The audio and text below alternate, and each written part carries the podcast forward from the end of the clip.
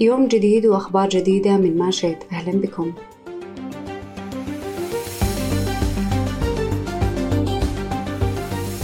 في حلقة اليوم نتكلم عن إغلاق درة الملاعب وأبرز التغيرات اللي راح تطرأ عليه لاحتضان مباريات كأس آسيا 2027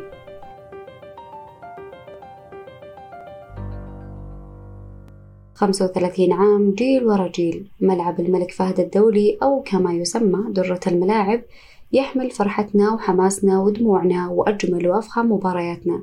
اليوم يغلق أبوابه ويستعد لحلته الجديدة مودعا جماهيره بعد فوز الهلال في مباراته الأخيرة التي جمعته مع النصر يوم الجمعة الماضي.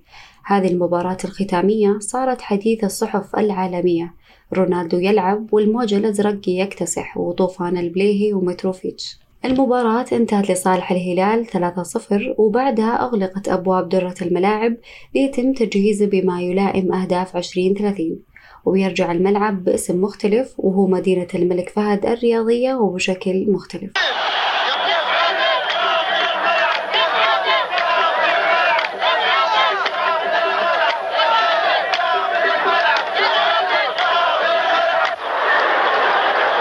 لكن نستعرض أبرز التغيرات اللي راح تطرأ على الملعب. خلونا نتعرف على تاريخ هذا الملعب اللي كان طوال 35 عام يشهد على أكبر الفعاليات الرياضية والمباريات مثل مباراة كأس العالم للشباب ومباريات بطولة القارات الدولية في نسختها الثلاث المتتالية 1992 و 95 و 97 وكأس الخليج لثلاث نسخ 1988 و 2002 و 2014 وكأس العالم للشباب 1989 وحفل BTS 2019 والعجيب أن الهلال ودع الدرة بثلاثة أهداف وهو يعتبر أصلا أكثر فريق توج على الملعب ب 27 بطولة. مو بس الهلال اللي توج الأخضر خاض 78 مباراة على الدرة وتم تتويجه بكأس الخليج عام 2002 ملعب بهذا الثقل التاريخي تم اختياره ليعود باسم مختلف وهو مدينة الملك فهد الرياضية بشكل يتلائم مع مستقبل السعودية الرياضي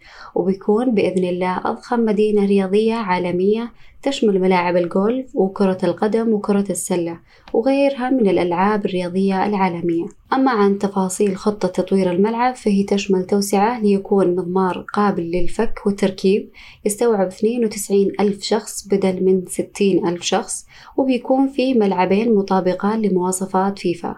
ومثل ما قلنا ملاعب الجولف بالإضافة إلى خمس ملاعب جانبية وساحة للجماهير ومتاجر ومطاعم ومتحف رياضي ومسار للدراجات وبيتم تركيب شاشات بثلاثة أبعاد وملاعب رديفة. ومن المقرر إنهاء أعمال المدينة الرياضية لاستضافة مباريات كأس آسيا اللي بتكون على أرض الرياض عام 2027 وتحتضن أرض مدينة الملك فهد الرياضية أول المباريات عقب تطويرها الضخم اللي المقرر إنها تشهده. إلى هنا انتهت حلقتنا لهذا اليوم. نذكركم بتحميل تطبيق ماشيت للاطلاع على مزيد من الأخبار والفعاليات المقامة في المملكة. مع السلامة.